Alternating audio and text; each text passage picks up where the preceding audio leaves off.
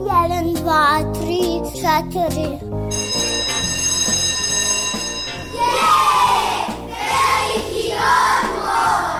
Emisija o obrazovanju i vaspitanju. E, Kad neka vaspitačica kaže da je veliki odmor, onda nešto radite. Jedeš, treniraš, skačeš, julješ se, eto, i tako. Vi slušate veliki odmor. Veliki odmor.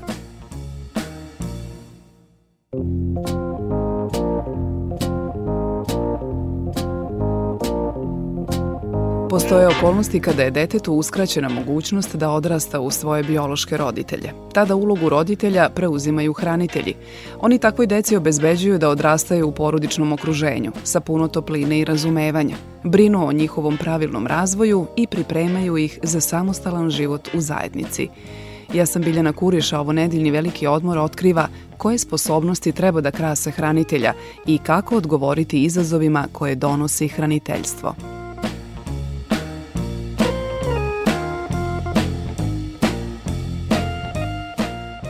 Prema definiciji, hraniteljstvo je privremeni oblik zaštite dece bez adekvatnog roditeljskog staranja. Dete u hraniteljskoj porodici može da boravi do razrešenja krizne situacije u prirodnoj porodici deteta ili do njegovog osamostaljivanja. Koje su znanje i veštine koje svaki hranitelj mora da ima? Da li su neophodni posebni preduslovi za buduće hranitelja i na kraju sa kojim se izazovima suočavaju dok brinu o deci izmeštenoj iz svojih bioloških porodica? Odgovore na ta pitanja potražila sam u Centru za porodični smeštaj i usvojenje u Novom Sadu, a za veliki odmor govori direktorka te ustanove psiholog Ivana Koprivica. Na hraniteljima je ozbiljan zadatak fleksibilnosti, odnosno prilagođavanja potrebama deteta razumevanje konteksta iz kojeg dolazi, prepoznavanje i adekvatno reagovanje na njegove potrebe. To vrlo često znači da hranitelj mora da ima mnogo strpljenja, mnogo razumevanja, da je u svakom smislu otvoren da to dete treba određeno vreme da bi se prilagodilo na novu porodicu, odnosno na novo njegovo životno okruženje. Koje su još veštine i kompetencije koje hranitelj mora da ima? Naravno, saosećajnost, briga, toplina, toplo porodično okruženje, to je ono što je nama negde jedan od glavnih argumenta kada nam se ljudi prijave za hraniteljstvo. Znači mi procenjujemo njihovu motivaciju, procenjujemo to da li je altruistički motiv, odnosno želja da se pomogne nekom detetu bez roditeljskog staranja primarni motiv. Vrlo često se javljaju predrasude u našem okruženju da su hranitelji s obzirom da dobijaju naknadu za posao koji obavljaju, negde prepoznali hraniteljstvo kao izvor prihoda. Naknada koja postoji je prilično skromna u odnosu na potrebe koje dete ima i u svakom slučaju zadovoljava te osnovne potrebe deteta. Naravno mora da prepozna potrebe deteta, što je prilično zahtevno, posebno ukoliko su deca iz porodice u kojima je eventualno bilo nasilje, zlostavljanje, zanemarivanje, ukoliko su to deca sa nekom traumom, hranitelj je taj koji mora da prepozna i adekvatno odgovori na potrebe deteta koje je došlo iz takvog okruženja. Biti hranitelj je veoma složena odgovornost. Osim roditeljske brige i brige za psihofizičko zdravlje deteta, hranitelji vaspitavaju, stvaraju mogućnosti za obrazovanje, uče decu socijalnim veštinama. Za sticanje takvih veština podršku pruža Centar za porodični smeštaj i usvojenje u Novom Sadu. Naši hranitelji imaju obavezu kontinuirane edukacije. Ne možete sad dobijete licencu pa ste hranitelj doživotno. Na svake dve godine obnavljaju licencu i moraju u toku godine da prođu 10 sati nekih edukativnih sadržaja i u smislu pedagogije, u smislu podrške u vaspitno-obrazovnom procesu i u smislu psihologije, podrška hraniteljima u različitim kritičnim situacijama, s obzirom da hranitelji, iako su se ostvarili kao biološki roditelji, njima ove obuke jako znače jer im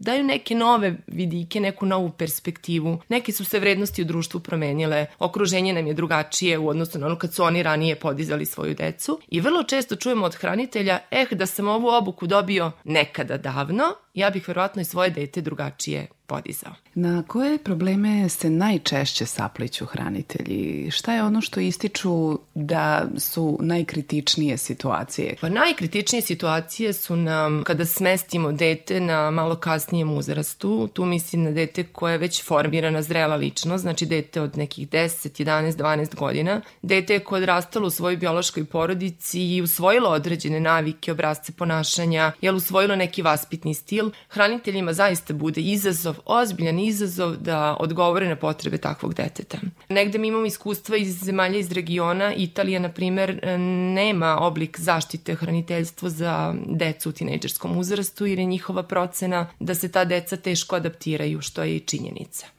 deca u tom uzrastu pokušavaju, jel, probijaju granice, traže prostor za sebe. Jednako je izazov i za biološke roditelje taj uzrast. Već od 10. 11. pa do... Apsolutno. To je period kada dete nekako traži sobstveni identitet deca koja se izmeste iz svoje biološke porodice imaju tu dodatnu teškoću da se pronađu. Traže argumente zašto sam ja sad ovde, ko su sad ovi ljudi, ko sad to meni brine, kako ja dalje da se nosim sa tim u životu, šta ću reći drugarima u školi, šta ako promenim okruženje. Znači niz pitanja koje se otvaraju toj mladoj osobi. Slušate Veliki odmor. Bum, bum, bum, bum, bum, bum. Ta ta ta ti ra ra ra ra ra ra ra Ja bi za tebe dao sve Vode sa dlana pila bi Minđu se bi ti kupio Za uvek moja bila bi Ne bi se mislio ni čas Kad bi me samo cimnula Ne bi se mislio ni tren Kad bi mi namignula A ti se ne javljaš, nije te sramota. Sve zaboravljaš, ne daješ znake života. I poklanjaš mi ne, ej, a dao bi ti sve. A ti se ne javljaš, nije te sramota. Sve zaboravljaš, ne daješ znake života. I poklanjaš mi ne, ej, a dao bi ti sve.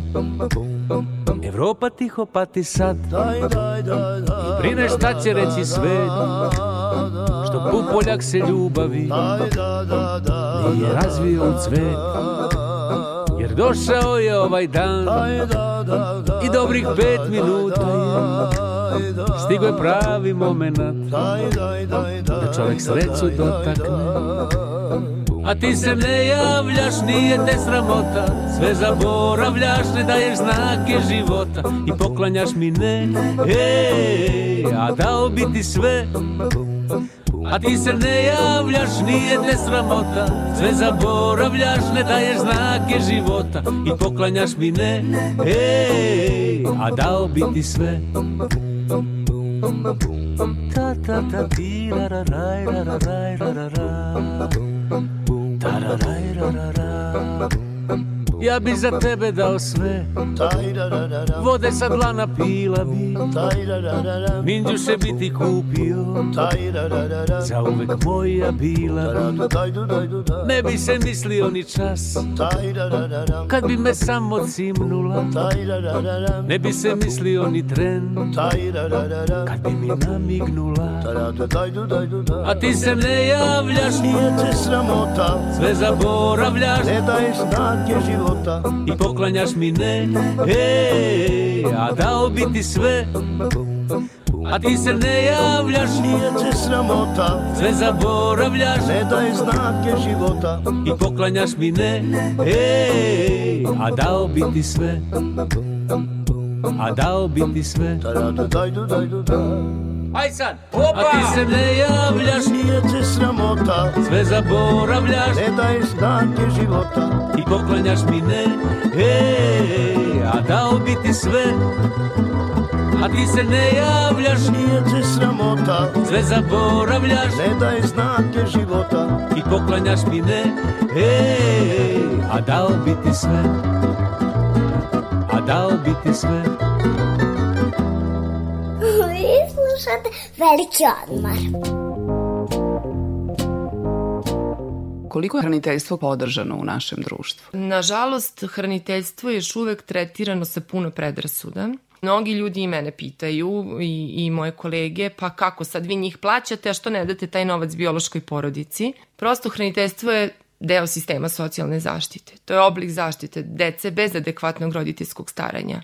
Deca se izmeštaju iz biološke porodice kad su zaista ugrožena, kada je njihova bezbednost i negde njihovo životno okruženje nije adekvatno za njihovo odrastanje. To je krajnja mera. Mi to zaista, odnosno Centar za socijalni rad i izmeštanje deteta radi kao poslednju meru kada već nemamo nikakve druge alternative. Ljudi koji ne znaju šta je hraniteljstvo idu sa tom predrasudom. Naše hraniteljice i hranitelji kada imamo sa njima razgovore vrlo često kažu, na primjer, odu u dom zdravlja povedu dete koje je na hraniteljstvu i od lekara, pedijatra vrlo često dobiju povratnu informaciju, posebno ako je mala sredina i ako se poznaju, u rečenici šta je to vama trebalo eto vaša deca su porasla, sad umesto da uživate vi brinete o nekom detetu. To takođe vrlo često čujemo kada hranitelji uzmu na smeštaj dete sa smetnjama u razvoju. Za dete sa smetnjama u razvoju biološki roditelji zahtevaju, da kažem, i treba im dodatna podrška. Ne mogu sami. I tako i hranitelji, kada prihvate da brinu o detetu sa smetnjama, njima je potrebna podrška lokalne zajednice. Naši sugrađani, ne samo Novi Sad, prosto generalno Srbija je u tom smislu još uvek na niskom nivou. Mi jako puno radimo na podizanju svesti građana,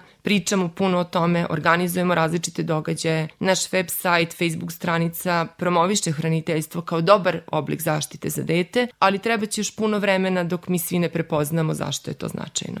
Uprkos predrasudama ili nedovoljnoj informisanosti, hraniteljstvo spada u najbolji vid zaštite dece bez adekvatnog roditeljskog staranja. Centar za socijalni rad na osnovu procene odlučuje ko ima sposobnosti da bude hranitelj.